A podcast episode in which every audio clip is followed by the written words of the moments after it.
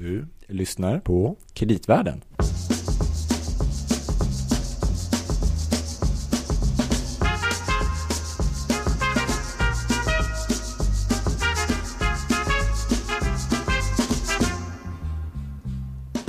Gabriel, är du där? Ja, eh, fortfarande så hörs vi. Fan, har du suttit här ända sedan december? Ja, eh, sen i mars känns det som. Ja, jo, det är, man börjar bli lite insnöad på olika vis. Louis Landeman, jag ser dig. Det gör inte våra lyssnare. Gabriel Bergin, jag ser dock dig. Ja, och det är fantastiskt. För det här är ju Kreditvärlden. Det är en podcast om eh, ekonomi, framförallt finansiella marknader, men särskilt också med lite fokus på hållbarhet och annat sånt som berör kreditmarknaden. Precis, och det är en podd av och med Louis och Gabriel, precis som tidigare. Ja, exakt.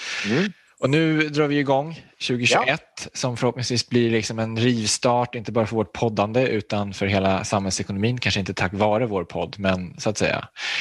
Eh, och eh, någonting som har, någon annat som har väldigt stor liksom, impact på ekonomi, samhällsekonomi men också finansiella marknader är inte bara det här med covid och om vi kan rivstarta igen utan det är väl det här med hållbarhet framför allt och hur man ska förändra affärsmodeller och annat, eller hur Louis? Ja, och vi avslutade förra året med att diskutera det här kring hållbara investeringar och vi kom ju då även in på det här intressanta med, som nu är väldigt aktuellt med EU-taxonomin. Och tanken nu i år är att vi ska bli lite konkreta och se och diskutera lite grann med att få in bolagsperspektivet i det här för vi tänker också att det här påverkar och slår lite grann olika i olika branscher. Och först ut är den alltid lika intressanta och spännande fastighetsbranschen. Mm. Men Gabriel, vi är egentligen inga experter på det här, eller hur? Ja, det kan väl nu är du för blygsam tänkte jag säga. Jaha okej. Men Förlåt, nu förstörde jag hela din uppehållning av vår gäst. Nej, men vad jag tänkte säga är att jag tror att vi kan behöva hjälp av någon som kan det här på riktigt. Ja, ja men det tror jag också. Det kan du väl hålla med om, Absolut. var vår kunskapsnivå ligger. Ja, men så är det. Eh, så att jag skulle vilja hälsa välkommen tillbaka Anna Denell, hållbarhetschef på Vasakronan. Finns du där, Anna? Där är du, vad härligt! Ja, jag är här. Jag hoppas att ni har mig bra. Vi hör dig jättebra.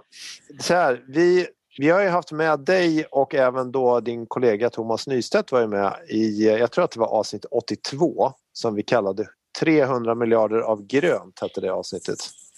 Mm. Och där fick ni berätta om lite grann kring eh, Vasakronan. Ni har ju varit väldigt, ni var ju, var det inte så att ni var världens första emittent av, äh, första företag som emitterade gröna obligationer? Det stämmer. Det var i november 2013. Det är ganska mäktigt när man tänker på det. Ja, nu så här med lite perspektiv på saker och ting så känns det faktiskt ganska mäktigt.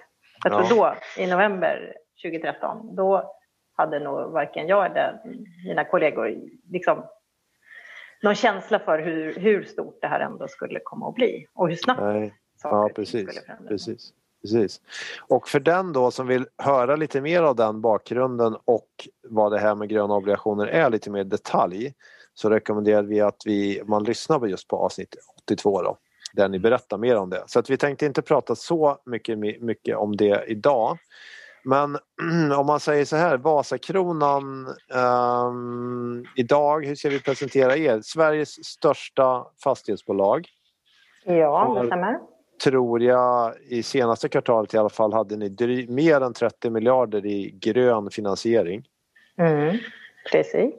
Och ni hade då ett fastighetsbestånd som jag tror var nästan 160 miljarder. Mm. 159. 159 miljarder. Mm. Ja. ja. Det betyder jag inte att bara att 30 miljarder, det betyder inte att det är bara fastighetsvärde motsvarande 30 miljarder som är inom gröna fastigheter, eller hur? Nej, det var ju en bra reflektion. Utan det är ju faktiskt så att 85 procent av hela vårt bestånd och i princip 100 procent av förvaltningsbeståndet är certifierat, eh, miljöcertifierat. Eh, och eh, sen då när vi definierar om det ska vara grönt, ja, om det ska kunna få tillgång till någon typ av grön finansiering så tittar vi också på energiprestandan, alltså hur mycket energi varje byggnad drar. Och nu är det faktiskt 72 procent av vårt bestånd som klarar det kravet som vi har satt där, som är 100 kilowattimmar per kvadratmeter år. Så vi skulle kunna göra mycket mer av grön finansiering, men eh, det, så det är inte bristen på gröna tillgångar utan det är väl snarare så att vi då har olika typer av löptider som gör att vi inte kan liksom konvertera om sånt som har varit icke-grönt till grönt. Just det. Men jag tror att det var så att all, all ny upplåning vi gjorde 2020 var grönt. Så att när vi då liksom, eh, har en möjlighet att, eh, mm, ja, eller när vi lånar upp nya pengar och avslutar gamla eh, krediter så blir det grönt. Mm. Just det. Men med den här bakgrunden så tänker vi att det vore väldigt intressant med dig att resonera lite grann kring dels en del av de sakerna vi pratade om i det avsnittet men även kring det här som händer nu inom sektorn, inte minst då det här med EU-taxonomin. Vi förstår ju att du är hyfsat insatt i det givet att ni har gett ut väldigt mycket gröna obligationer eh, och kan tänkas påverkas på något vis av vad som händer nu inom, inom EU. Då. Mm, det stämmer. Men om vi börjar med jag tänkte så här, för att det, vi, det, som skulle vara kul att prata om, för gröna obligationer blir liksom en sak om man tittar på de projekten man har i ställa om och bli mer energieffektiv och så. Men om man ska ta liksom ett helhetsgrepp på den omställning som sker nu inom hela, eller som kanske måste ske då, inom hela fastighetsbranschen och där ni mycket går i bräschen. Så ska vi kanske prata om hållbarhetsriskerna alltså generellt och liksom vilka risker man kan tänka sig och då kanske vi man skulle kunna börja så här någonstans och försöka om jag gör om jag räknar upp några risker eh, så får du sen säga om du håller med. om det är de riskerna ni ser och kanske göra någon form av, av liksom rangordning av de riskerna.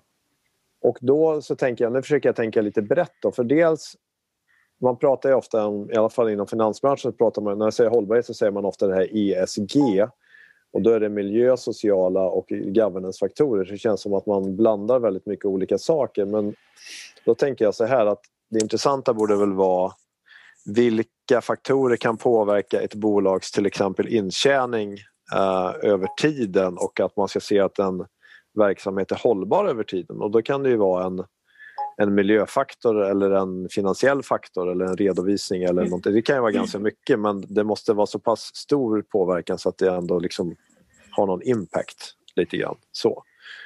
Uh, och då tänker jag, och när, baserat liksom också på när man läser olika rapporter från myndigheter och vilka, var utsläppen finns och så där så ser det ut som att fastighetssektorn har en ganska stor energianvändning. Uh, så där har vi då en risk om man tänker att energipriserna skulle gå upp till exempel. Uh, och sen kan man ju också tänka sig att energimixen gör att man har vissa utsläpp av till exempel koldioxid och, beroende på vilken energi man använder för att värma med. Då. Mm. Um, och sen så tänker jag att det som dessutom är liksom en risk relaterad till utsläpp gäller då nyproduktion och renovering och att man använder material och förbrukar resurser i samband med det. Men att det kanske är en faktor som jag ska inte säga Vasakronan för ni rapporterar ju de indirekta utsläppen men många i branschen rapporterar ju inte den delen. Nej, det stämmer. Uh, och sen uh, om man ska fortsätta att räkna upp risker så finns det ju också då givet var en fastighet är belägen att det finns då direkta såna fysiska klimatrisker relaterat till om det skulle bli uh, klimatförändringar och mer att det regnar mer och, eller att det blir översvämningar på olika håll och kanter. Mm. Um, sen har vi ju så det skulle vara någon form av miljödelen. Sen kan vi tänka oss på sociala delen. Det vore ju intressant att höra hur ni tänker på det men det kan man ju tänka sig olika former av regleringar som kan förändras eller också att samhället förändras och att man påverkas som en viktig aktör i samhället. Mm. Ehm, och skulle vi lägga till då slutligen ytterligare några dimensioner så på, om man skulle titta på governance och sånt så skulle det kunna ha att göra med belåningsgrader och ja, betydelsen av fastighetsvärden och hur man värderar och hur man redovisar de värdena. Så nu var, det här var en väldig uppräkning av massor med olika saker. Men tycker du att är, om man skulle se det här som någon väldigt, väldigt grov kartläggning, är, fick jag med de stora grejerna tycker du? Ja, men det tycker jag absolut. Jag tror att en, en generell hållbarhetsfråga som det också pratas mycket om nu är ju förlusten av biologisk mångfald. Och den tror jag kanske våran bransch inte riktigt ännu har eh, på något sätt eh, eh hur ska jag uttrycka det, fattat galoppen kring ännu. Man kanske mm. tror att det bara är en fråga för den som eventuellt exploaterar mycket naturmark som en mm. konsekvens av sin affärsverksamhet. Men jag ser ju att det kan vara viktigt också att precis som med klimatfrågan, väva in leverantörsledet och liksom den påverkan man har, till exempel då kopplat till byggmaterial eh, som ju oftast där de har utvunnits och sen producerats mm. kan ha orsakat eh, eh skador på ekosystemen eller förlust av biologisk mångfald. Om man bygger trähus och regnskogsråmaterial så är man inte så eh, liksom... Ja, det, det, är ju oftast där frågan kommer upp men eh, eh jag, jag tänker att och det är, det är ju naturligt för träden växer och då tänker man på det. Men mm. jag skulle ju vilja faktiskt framhäva att både betong, cement och stål är oftast kanske en större bov i dramat ändå. Men, men såklart är det jätteviktigt att tänka på trä och vill man nu bygga mer i trä för att det är bättre för klimatet så är det ju jätteviktigt att väga in att träet kommer från hållbart eh, skogsbruk. Såklart. Mm. Men ibland kan det bli när man börjar tänka på så här saker att det blir jättesvårt för att vad man än väljer så kommer det att bli en påverkan. Får man säga att det ska mm. vara så liten som möjligt mm. men det, att säkra i alla led bakåt, det är inte mm. helt lätt, eller hur? Det, måste bli, det blir direkt en ganska stor komplexitet i det här. Ja, jo men absolut. Och, och, det var därför jag vill poängtera att det är ju lite grann av en bubbla och en fråga som jag tror att vi mm. i vår bransch behöver, eh, ja, vad ska man säga, eh, behöver fokusera lite mera på för att verkligen ja, förstå hur vi påverkar och vad det eventuellt finns för risker förknippat med den frågan. Just det. Så där, där det är har också, en, ni har ju redan nämnt taxonomin ja. och om man tittar på de sex olika områdena inom taxonomin så är ju det här ett av områdena men där inte ännu för vår sektor finns några kriterier eller eh, liksom, akter framtagna kring vad som är viktigt för vår bransch att förhålla oss till där. Ja, det är ju en intressant, jag tänker det här med biologisk mångfald är intressant. Det passar mest in kanske det E och lite in i mm. S också i termer av liksom mm. hur man påverkar sitt omgivande samhälle. Men de här andra som Louis räknade upp inom E, liksom, går det att rangordna dem sinsemellan så att säga för er del eller som du säger för liksom, branschen i Sverige mm. med energianvändning? Och... Jag, jag måste säga att eh, om man börjar med dem då som hand, om energianvändning och sen så var det klimatpåverkan från byggprocessen som, eh, mm. som handlar om vår påverkan på klimatet eller miljön. De andra handlar om hur vi kan påverkas utifrån ett riskperspektiv av att eh, klimatet förändras. Eh, men om vi börjar med, här med hur vi påverkar miljön så, så måste jag säga att jag tycker den är väldigt svår att rangordna. Eh, för att det har nog mycket att göra med vilken typ av bolag du är. Om du, om du i första hand är ett bolag som lever på att producera nyproducera bostadsrätter, ja men då, då har du ju inte så jättemycket energianvändning i ditt befintliga bestånd för du har ingenting för du säljer konstant liksom av allt du eh, ja, utvecklar. Medan om man som vi är ett bolag som har väldigt många, eh, 2,4 miljoner kvadratmeter i befintliga byggnader, så är det såklart så att energianvändningen där är oerhört viktig. Mm. Men man kan ju då försöka lyfta upp det till någon slags branschperspektiv, eh, liksom vad är viktigast och så. Och då brukar jag säga ibland att jag tycker faktiskt att hela vår sektor har fått det lite grann om bakfoten. Mm. För att vi har ju fokuserat jättemycket, ja, för vi har fokuserat jättemycket på att minska energianvändningen i produktionen. Ja. Missförstå mig inte nu, det är såklart jätteviktigt. När vi bygger nytt måste vi anstränga oss det yttersta för att inte byggnaden ska dra så mycket energi sen i framtiden. Men sen har vi valt att på något sätt helt och hållet, åtminstone fram till nu, eh, blunda för den enorma påverkan det är att bygga nytt. Man brukar säga att eh, eller, och, och många livscykelstudier och analyser tyder på att klimatpåverkan är ungefär, om man tittar på byggnadens hela klimatpåverkan ur ett livscykelperspektiv så är det så mycket som 80 procent som ligger i produktionen, alltså av att bygga byggnaden på grund av till exempel betong och stål. Eh, och, och cementen då, som är en viktig ingrediens i betongen som har väldigt hög klimatpåverkan. Och så är det bara 20 procent som är hänförligt till energianvändningen sen när byggnaden väl står där. Men, men trots detta då så har våran bransch, om man nu ska försöka generalisera, ja. senaste tio åren i princip enbart fokuserat på att minska energianvändningen i nya byggnader. Men om man nu skulle säga, och det sa du, att bygg, liksom, vi står för en stor eh, andel av energianvändningen i samhället. Det gör vi. Vi är den största, byggnader är liksom den största användaren av energi. Ja. Eh, mer än industrin och mer än transportsektorn. Så har vi ett jättestort ansvar att försöka minska den såklart. Men då kan man ju fundera på hur mycket minskar den totala energianvändningen i samhället när vi bygger en ny byggnad med låg energianvändning? Mm. Nej, men inte alls. Den ökar ju.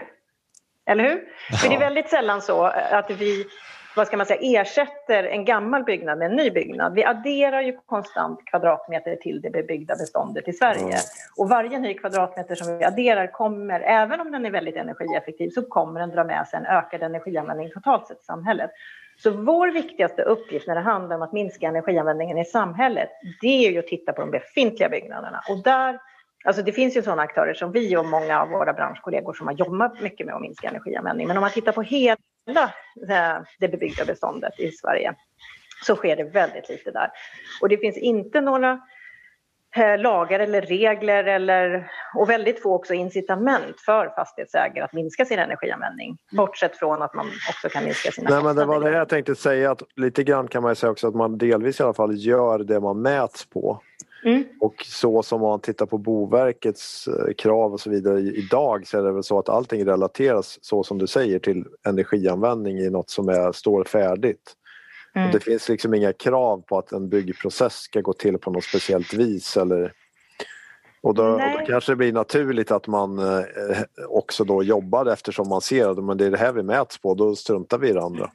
Lite krasst. Ja, absolut. Så, så kan det nog mycket väl vara. Och nu är det faktiskt så att det börjar hända saker på det här mm. området. Så det jag nyss eh, mm, gav uttryck för är väl kanske liksom en, en återspegling av hur det har varit fram till för ungefär ett år sedan.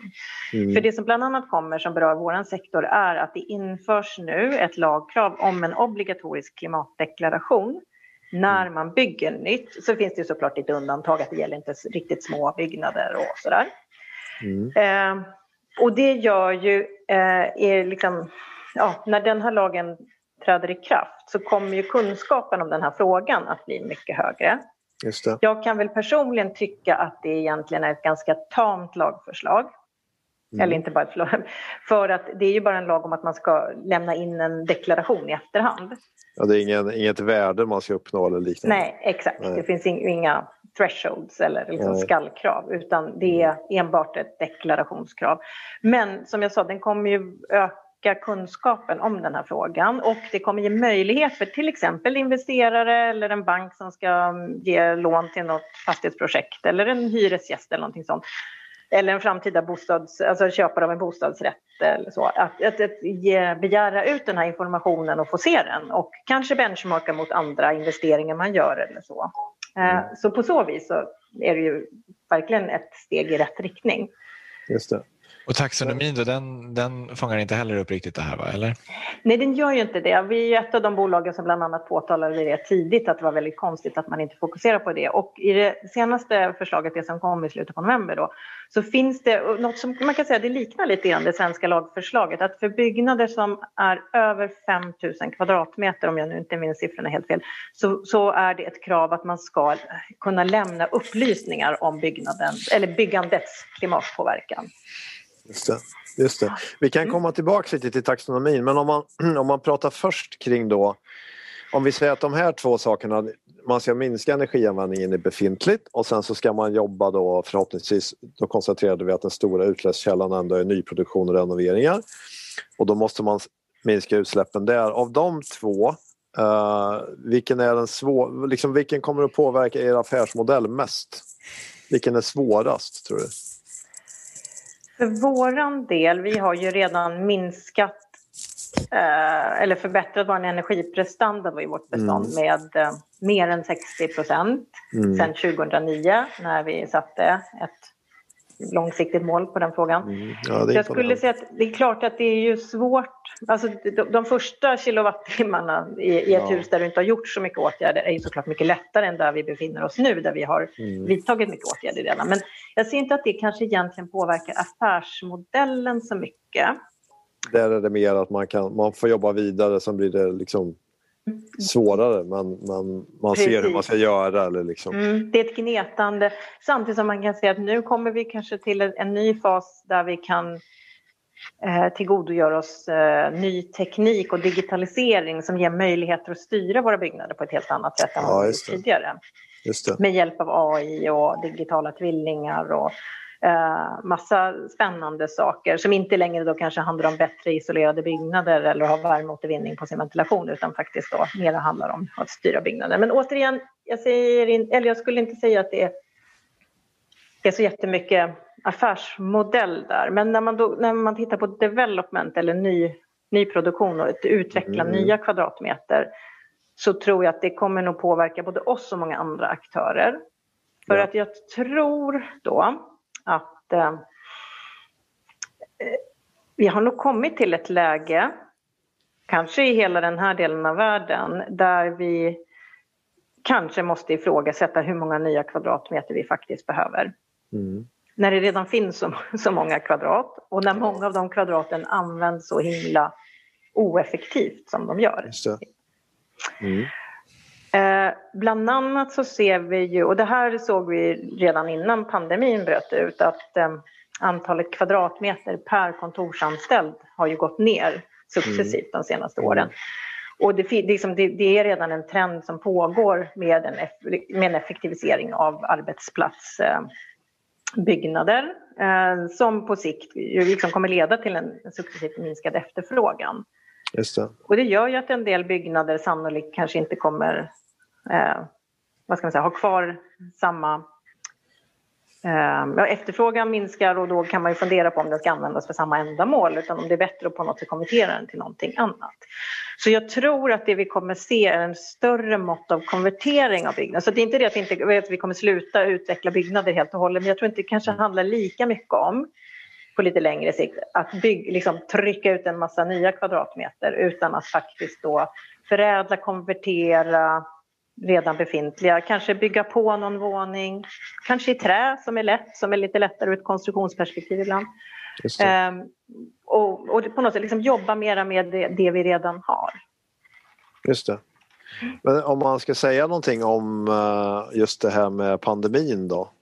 Är det en sån här sak som, eh, om man pratar om de här strukturella förändringarna, mm. finns det, kan, uppfattar ni att det finns en större, att den typen av tanke ökar då med det här med konvertering eller just för du säger att man, om man nu tänker att man börjar fundera på att vissa jobbar hemifrån och så vidare, att man mm. inte kommer behöva expandera sina kontorsytor eller Mm.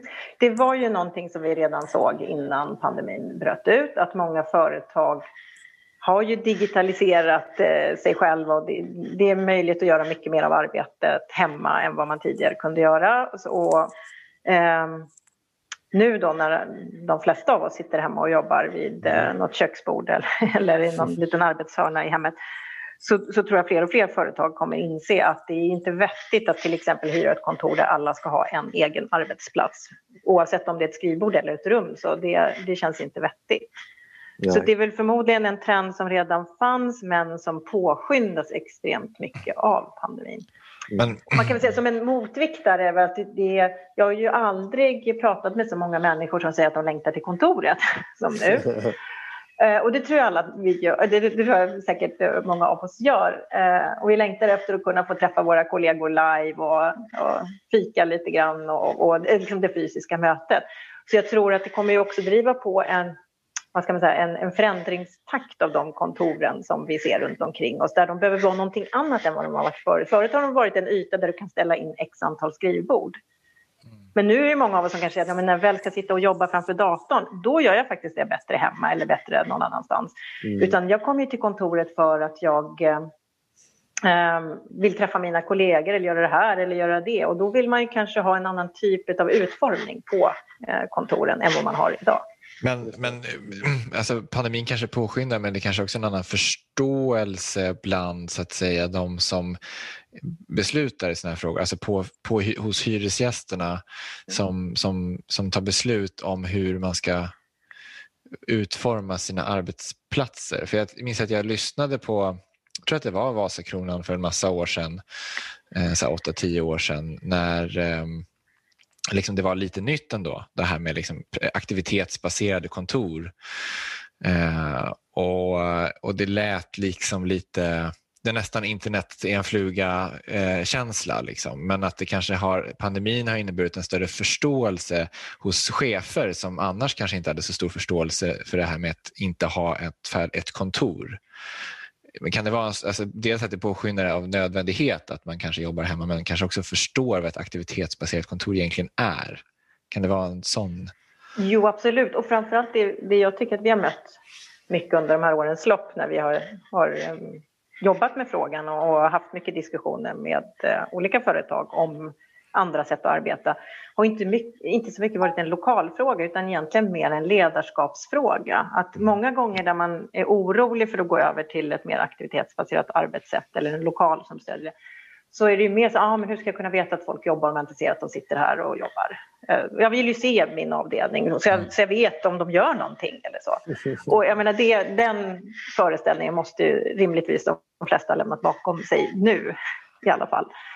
Eh, så absolut, det kommer finnas en, en både det men det jag också tog upp alldeles nyss, det här med att man kommer nog också inse att kontoren ska göra någonting annat eller mycket mer av något annat än vad de tidigare gjorde. Mm. Eh, för det handlar om trevliga, eh, hur ska man säga, trevliga samlingsplatser. Mm. Mm. För och kanske inte, för, för, helt ärligt, vem, om man nu bor på ett ställe där man trivs, vem vill då ägna 45 minuter av ett ganska jobbigt pendlande för att åka och sätta sig i ett slavhav någonstans mm. ut, utanför, alltså liksom i något tråkigt område? Ja, men samtidigt så kan man tänka sig att liksom city eh, nära kontorsaktivitet bygger också på det som finns där omkring tänker jag. Mm. Alltså med, med restauranger och, och butiker mm. och annat. Liksom. Och det, de sektorerna drabbas vi kanske också rimligen av pandemin och behöver ställa om. Det kanske inte kom, alltså, vem vet vad som händer med de här miljöerna? Mm. Liksom. Är det, också mm. det är inte en hållbarhetsrisk, men det är också en risk. Liksom, som ni... Definitivt. Och jag tycker att om man ska ha ett ännu lite ska man säga, vidare perspektiv på det kan man ju fundera på varför har städer överhuvudtaget uppstått från början? Mm. Ja, det har ju varit handelsplatser. Men om ingen egentligen behöver staden för att handla längre, varken storskalig handel mellan liksom stora aktörer eller det här liksom lilla handlandet vi gör var och en till mans, då kan man ju verkligen fundera på vad, vad är staden då? Och det tycker jag är lite läskigt att fundera Lands, på. Landsbygdens återkomst. Ja, det skulle, det, och det är det jättemånga som pratar om. Men, men om vi stannar vid staden då. så eh, är det ju verkligen så, man, man, vi, vi, måste ju fundera på det. Vad, vad ska vi liksom fylla de här gatuplanslokalerna med mm. i framtiden? Eller vilka vill vara där och driva verksamhet? Eh, och eh, det är väl så, det är samma sak där som det här med kontorsanvändning. Redan innan pandemin bröt ut så såg vi ju att det blev färre och färre kvadratmeter som nyttjas för rent handelsändamål och fler sådana här gatuplanskvadratmeter som används för andra saker som kanske då olika typer av restaurang och kaféverksamhet och kulturändamål och sådana saker. Men eh, eh, jag tycker nog ändå att den trenden som det är svårt kanske att prata om trender för det är så korta tider, men det, det som det ändå verkar vara är ju att många varumärken vill ju ändå finnas i städerna och synas. Sen bryr man sig inte så mycket om det inte är där själva handeln sker, men man vet mm. att man behöver synas på de platserna för att fortsätta att finna, liksom, eh, också funka bra i andra kanaler där folk kanske köper sina saker. Ja, det här ja, superintressant. Om vi skulle bara... Nu försökte jag summera ihop här till att de här... Uh, om vi går tillbaka till det här som vi pratade om med de här riskerna då, så noterade vi då att de här, det, det känns som en ändå en lite svår omställning som man kan stå inför med vad gäller ny produktion och renoveringar som är delvis underrapporterad eh, och där man måste hitta nya sätt att jobba och nya material. Ja, men det är ganska mycket saker då egentligen jobba med. Så om man tänker att det är kanske en typ av lite underrapporterad risk och som även kanske kan påverkas regulatoriskt. Hur är det då med de här fysiska klimatriskerna, alltså själva läget på fastigheten? Mm. Hur pass liksom analyserade den risken idag upplever du och förstådd? Mm. Jag, jag, kan ju bara gissa hur det ser ut i resten av branschen eh, baserat på, på mm. hur ska man säga, vissa vissa saker som man ser och hör. Ja. Eh, för vår egen del så har vi gjort en grund, bakomliggande analys, eller ja, en analys av vårt bestånd med hänsyn till var det ligger och vilka klimatrisker som kan finnas just på den platsen. Mm. Eh, jag tror inte att det är så vanligt, helt ärligt. Men jag vet att det är flera som ändå är i startgroparna och håller på med liknande arbeten. Mm. Eh, jag tycker ju att det är stor skillnad när jag träffar branschkollegor från andra länder. Då tycker jag att det känns som att de har haft den här frågan på sin radar under mycket längre tid än vad vi har haft just i Sverige och Norden kanske. Okay. Um, jag... det, kan det bli en stor kostnad? Alltså, kan det vara en del byggnader som är alltså, inte, man har dåliga avloppssystem eller vad det nu kan vara för saker så kommer det skyfall så kan det bli stora skador. Mm. Speciellt eller? Ja, alltså jag tänker så här ur ett fastighetsägarperspektiv så behöver man dela upp de här olika fysiska riskerna i olika liksom, subgrupper till det. Mm. Och då tänker jag så här att eh, ja, bland annat om man tänker översvämningsrisker, den kan du dela in sen i, din, i sin tur i tillfälliga översvämningsrisker på grund av till exempel då skyfall. Mm. Som kan leda till extremt kostsamma renoveringar, absolut. Samtidigt som sett över eh, liksom, en lång tidshorisont mm. så brukar de flesta fastighetsägarna klara det. Om, det. om det i sig inte påverkar efterfrågan på att finnas där med någon verksamhet eller bodare, vad, vad nu mm. byggnaden används till, mm. så, så kan man ju oftast ta en sån kostnad. Ja. Eh, om den inte sen då inträffar väldigt ofta. För då börjar det bli mer mm. liksom en, en, en, permanent risk som du måste förhålla dig till på ett annat sätt. Och, och det är väl de vi framförallt har försökt att identifiera om vi har några sådana, där du har risker för att byggnaden är permanent översvämmad. För mm. att fastigheter värderas ju med en evighetskapitaliseringsprincip. Mm. Och om du inte längre som slutvärde i din avkastningskalkyl kan eh, köra liksom ett direktavkastningsvärdering av slutårsvärdet i kalkylen, mm. då faller ju faktiskt värdet dramatiskt. Det, skulle, det är någon sorts worst case scenario att man är i något område som är permanent översvämmat. Liksom. Ja, och sådana finns ju i Sverige. Mm. Så det ska man ju rimligtvis ha koll på. Nu är det kanske ja. inte stora delar av det kommersiella fastighetsbeståndet som ligger på sån mark. Men, och det är ju en permanent havsnivåhöjning. Ja, just det. Eh, för, det har ju dels, ja. havs, har, förlåt, har dels en havsnivåhöjning men sen som man kanske inte tänker på lika mycket är väl just att du kan få sådana här, alltså om du ligger nära någon flod eller. Större sjö, Vänern och så vidare, att det kommer mycket regn och då kan mm. liksom vattennivån mm. stiga. Så det är inte bara att man behöver vara nära havet så att man ska ha en risk. Nej, precis. Men, men, och det är då du måste göra någon slags eh, analys av hur ofta skulle en sån återkomma och vad är liksom worst case, vad som kan hända då. Men framförallt, jag, det, om, om jag var investerare i fastigheter så är det väl den jag skulle titta på mest i alla fall, den här permanent översvämning av, av någon hav eller om, om det är så Eh, frekvent förekommande fast någon annan typ av vatten så att man kan betrakta det som liksom, så ofta så att det är i princip permanent. När du får problem, för du kan, du kan inte, liksom, helt plötsligt så har du i det som förut var en evighetskapitaliseringskalkyl så måste du sätta ett slutdatum när inte du klarar av att generera någon avkastning längre på grund av att du inte kan hyra ut. Just det. Så ett tips till de som lyssnar på podden kanske då är att gå in och titta i de här SMHIs eh, klimatscenario klimatscenarioanalyser och se lite mer på mikronivå var mm. olika fastigheter ligger, eller? Ja, det skulle jag i alla fall göra. Men, men återigen, det är väl kanske mest uh, ja, men, men det absolut, det mm, mm. ja, tycker jag. Mm. Och sen så ska man ju titta på de här andra riskerna också och då kan det ju vara så att man kan passa på, för som fastighetsägare har man ju ofta ett planerat underhåll där man har liksom funderat igenom vad behöver vi åtgärda i den här byggnaden de närmaste fem eller tio åren. Och då kan man ju passa på att du tog upp något eh, avloppssystem och översvämning för en stund sedan som ett exempel. Och då, kan det vara så då tittar man igenom vad har vi för eventuella brister som skulle kunna leda till att det blir mycket mer kostsamma skador i den här byggnaden mm. vid till exempel ett skyfall. Och så ser man till att åtgärda dem i samband med att man ändå ska göra någonting. Och då behöver ju inte ens egentligen vara betraktad som en merkostnad. Men det handlar om att försöka ha koll, inventera vad är det för risker och hur påverkas just den här. För där måste man gå ner på byggnadsnivå och titta vad är den här byggnaden, vad är det för liksom hur är den tekniskt, eh, ja, både hur är den konstruerad, vad har den för olika typer av tekniska system och hur skulle den kunna påverkas? Och så liksom på något sätt då planera in åtgärder för att förebygga eh, de mest kostsamma eh, skadorna. Mm. Det finns mycket intressanta saker att gräva vidare i här noterar vi när vi lyssnar på det här. Uh, men sen om man då skulle fundera kring, nu har vi pratat en del kring nu och det, vi kan inte gå igenom alla risker då, men det här är några miljöriskerna. Men om vi då skulle prata lite om det här med EU-taxonomin och vad som den kan påverka. Då, om vi ska förklara det väldigt grovt så är det så att EU, EU-kommissionen nu har lagt ett förslag kring det här anser vi är gröna eller hållbara aktiviteter för varje bransch.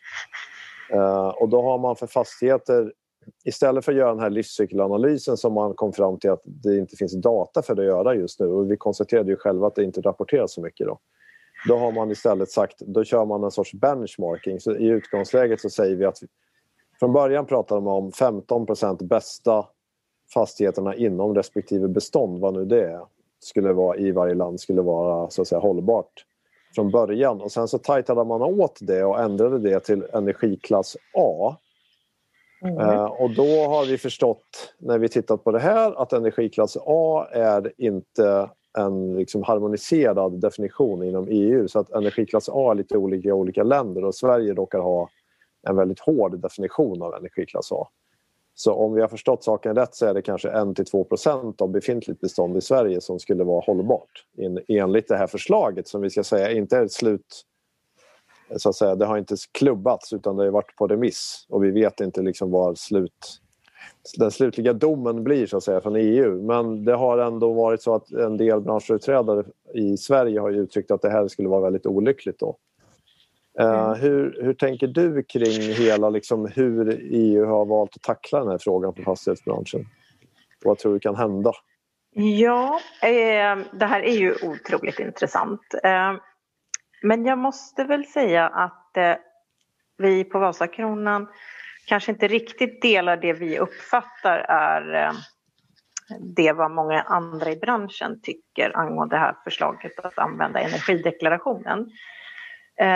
För att vi i höstas när det var det här 15 procenten som låg på bordet så började vi skissa lite grann på hur man skulle kunna på något sätt definiera det och hävda i sånt fall då att eh, våra byggnader, om vi hade tänkt att mm. finansiera dem grönt på något sätt, tillhörde de här 15 procenten. Mm. Och då inser man ganska snabbt att det var ett väldigt dåligt förslag. inte, kanske, inte kanske att det var rimligt att, att 15 procent... på vilket vis då? Ja, men för det första så är det ju så att det blir liksom en rörlig materia. Ja. Idag så tillhör vår byggnad de 15 procenten, men imorgon kan det vara någon annan som har effektiviserat ner sin byggnad. Och då rent matematiskt så, är inte vår byggnad längre en av de 15 procenten. Men den kanske inte har förändrat sig i sig i sin energianvändning. Just det. Så det blir lite problem. Och när ska man i sånt fall ringfence, alltså när ska man säga, är det vid, vid liksom första januari varje år och sen så får den mm. anses tillhöra de 15 ända till årsskiftet och då gör man en ny mätning och då kommer det bli så eftersläpningseffekter på mm. Ja, nej, så det där kändes som att det blir jättesvårt. Sen var det också det här som stod i det utkastet med att det var baserat på typ av byggnad och då hade vi en liten diskussion med några aktörer i branschen och då, och då vill ju alla på något sätt framföra att just vår typ av byggnad som vi jobbar mycket med den är ju mycket svårare att få energieffektiv än det här och vi har ju väldigt gamla byggnader och det är inte rimligt att de ska vara mycket bättre och så. Ja. Och det här huset är byggt på det här sättet. Och sen vi, är, vi har konstiga hyresgäster som öppnar fönstren hela tiden. Till ja, precis. Och sen så var det också det här med region. Det känns ju konstigt egentligen. Skulle det vara nation då, men då länder som ligger i samma klimat, alltså som i Sverige då som har väldigt olika klimatzoner för vi är ett avlångt land. Skulle mm. vi liksom klumpa ihop hela Sverige som en region? Var det det man menade med region eller ska vi sen dela upp Sverige i massa olika saker?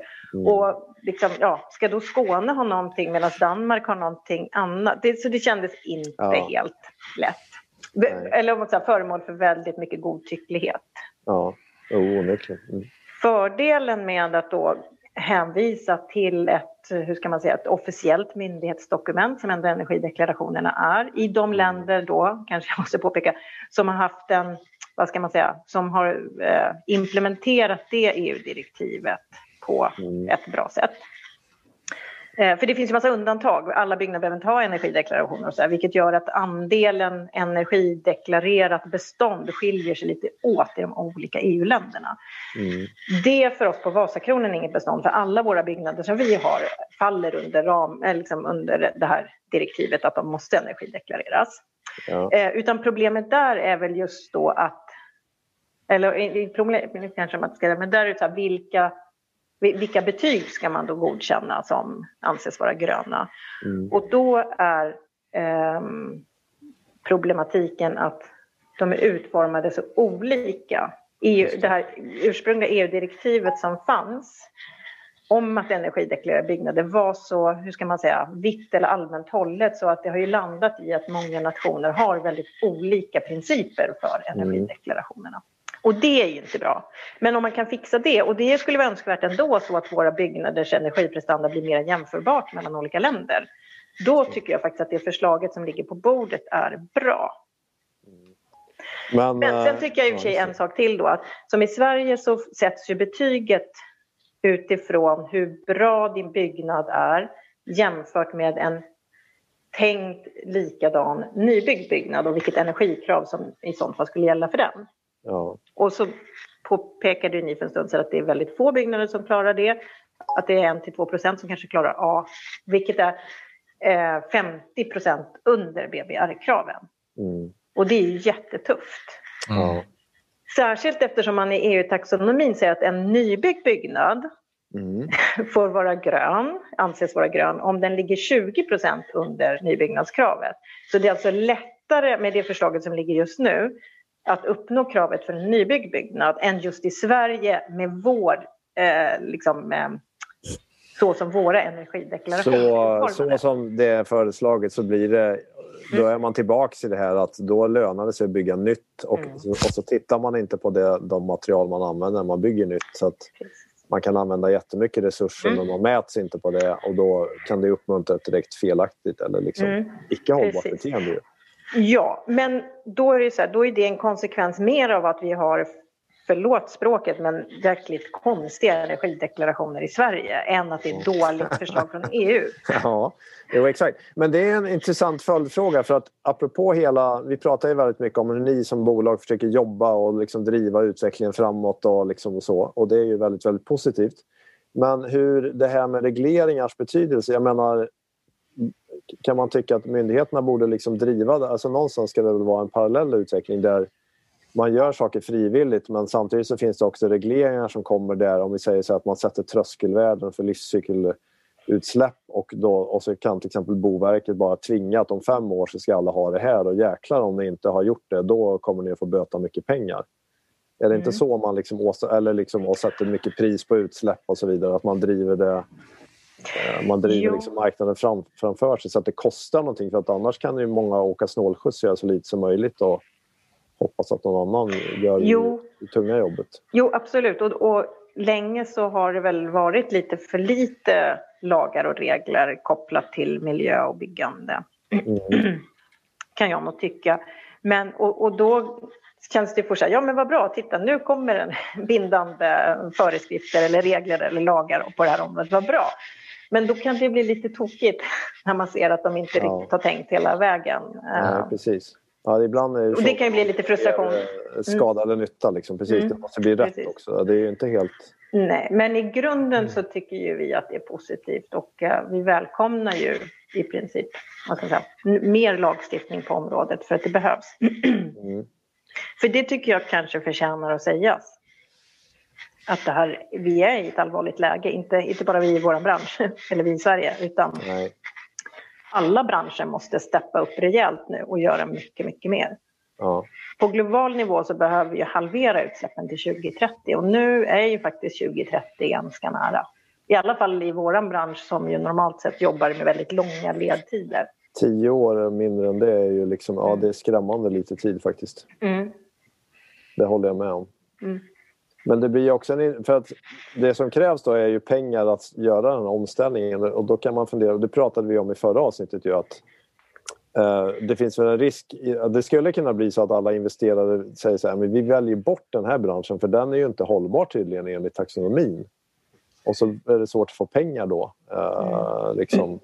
men, men möjligen, jag vet inte, hur upplever ni det själva? Att, upplever ni kanske snarare att investerarna tittar på de som, där man, man kanske gör sin egen bedömning? Så sa ju Helena i och för sig, att man liksom... Mm. Just nu så känns det nog mycket de kontakter vi haft senaste tiden så känns det som att investerarna säger just så, vi gör vår egen bedömning. Ehm, jag tycker annars att det vore lite olyckligt då om jag hänvisar tillbaka till mitt långa resonemang om energianvändning i befintligt bestånd och, och att bygga nytt. Det vore ju oerhört olyckligt om EU-taxonomin resulterar i att människor som inte är i vår bransch tror att det som är grönt är att bygga nytt och att det gamla liksom, dåliga begagnade beståndet är dåligt.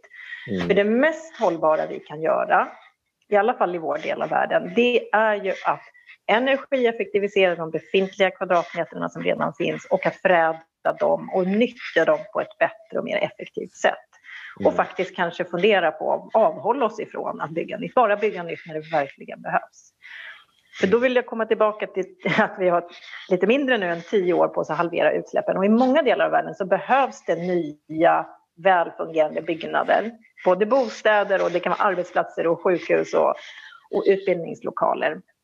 Och då tycker jag att man måste ha någon slags globalt perspektiv och fundera på om vi nu har ett, ett, liksom ett litet utsläppsutrymme kvar och vi mm. vet att bygga nya kvadratmeter är en väldigt tung eh, och, eh, aktivitet utifrån ett utsläppsperspektiv så kanske det är så att vi måste på något sätt till, tillåta den att ske någon annanstans där den bättre behövs. Mm. Och bli betydligt duktigare på att använda materialen så smart som möjligt och återanvända mm. och så vidare. Precis. Och, och där tycker jag Eh, vi har ju nu som en konsekvens att vi har höga ambitioner att minska klimatpåverkan när vi själva bygger nytt eller bygger om eller bygger till eh, att använda mera trä. Och då tycker jag ju faktiskt, så där kan man ju kanske säga att ja, men lite grann ska vi göra här också i den här delen av världen för vi kan hjälpa till att ta fram nya metoder, tekniker och sätt att bygga på som faktiskt blir kanske till och med noll CO2. Eh, eller i alla fall med väsentligt minskad klimatpåverkan. Så, det, så skulle vi sluta tvärt så kanske vi inte är med och bidrar till utvecklingen. Så det är någon slags... Eh, och det behövs ju finansiering till? Ja, men det gör det. Absolut, precis. Verkligen. Och då vore det väldigt olyckligt om hela finanssektorn sa att nej, nej oh, oh, det här med byggande ska vi hålla oss borta från för det verkar väldigt rörigt och svårt enligt taxonomin. Mm. Ja, det här är otroligt intressant. Eh, det känns som att vi skulle kunna prata minst lika länge till. Men vad säger du Gabriel? Vår, vår utmätta tid höll jag på att säga. Den är eh, inte så mycket kvar kanske. Det är hårt. Det är hårt. Ja, det är hårt. Det, det, precis, jag kan säga så här. Vi utvärderas ju... Ja. Vi vill gärna komma tillbaka någon mer gång till dig och prata vidare. Ja. Gärna. Om det går bra. Ja.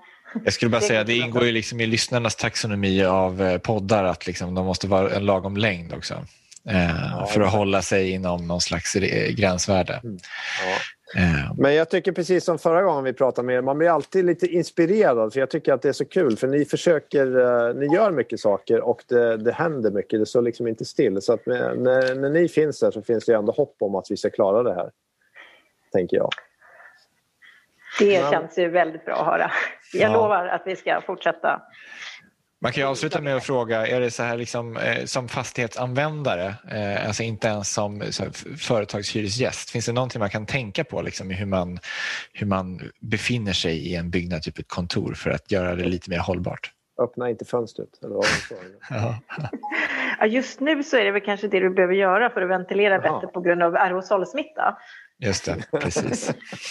okay. ja, det är alltid nej, så svårt. Alltså. Nej, oftast är det väl så att i moderna kontorsbyggnader så ska du inte behöva öppna ditt fönster för att få bättre ventilation. För det är oftast en mekanisk ventilation som löser det åt oss utan att vi behöver fundera på det.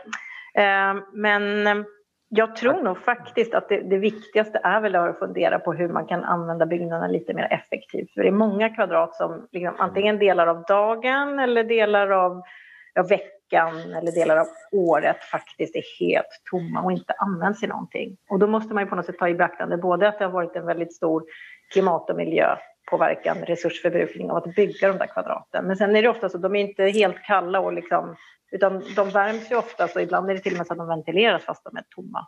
Eh, och, så det är nog det viktigaste, använda dem mer effektivt. och acceptera en lite lägre inomhustemperatur. Det är bra, sätta på sig en varm tröja. Nej, det är bra. Det är sista tipset. Men du Gabriel, Ja. ibland så spelar vi någon låt så här på slutet. Ja, det gör Och vi. Vet, vet du vad jag kom att tänka på häromdagen? Vi Nej. har, aldrig, vi har aldrig haft med Jan Malmsjö i den här podden. Nej, nej, Har du det- också tänkt på det? Ja, nej, det har jag faktiskt inte tänkt på. Nej, varken Eh. som gäst eller liksom som, eh, som artist Ja. säga, har han varit med. Och det är Nej. lite synd på något vis. Ja, jag tänker ibland på Jan Malmsjö, men inte i det här sammanhanget. Nej. Nej, okej. Ja.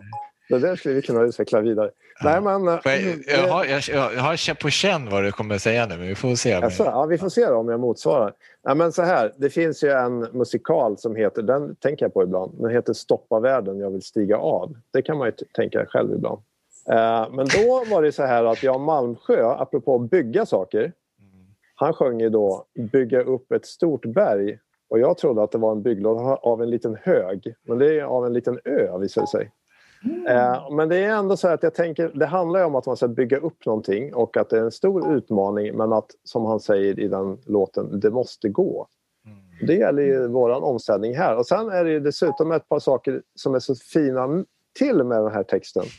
Det är att han både nämner ordet transparens, som vi vill ju gärna ska öka. Och sen är det även så att han nämner en person som heter ängeln Gabriel. Jaha. Ja. Det var ju väldigt mycket som passade in tycker Ja. jag. Så kan vi inte lyssna lite på den i alla fall? Ja, det kan vi väl göra. Jag trodde du skulle säga stad i ljus, men det var inte alls lika genomtänkt som det. Nej, det är i och för sig bra men det är väl... eh, jag tänker mer på Tommy Körberg. Ja, just det. Jag Men- tänker att de båda har sjungit den, men strunt samma.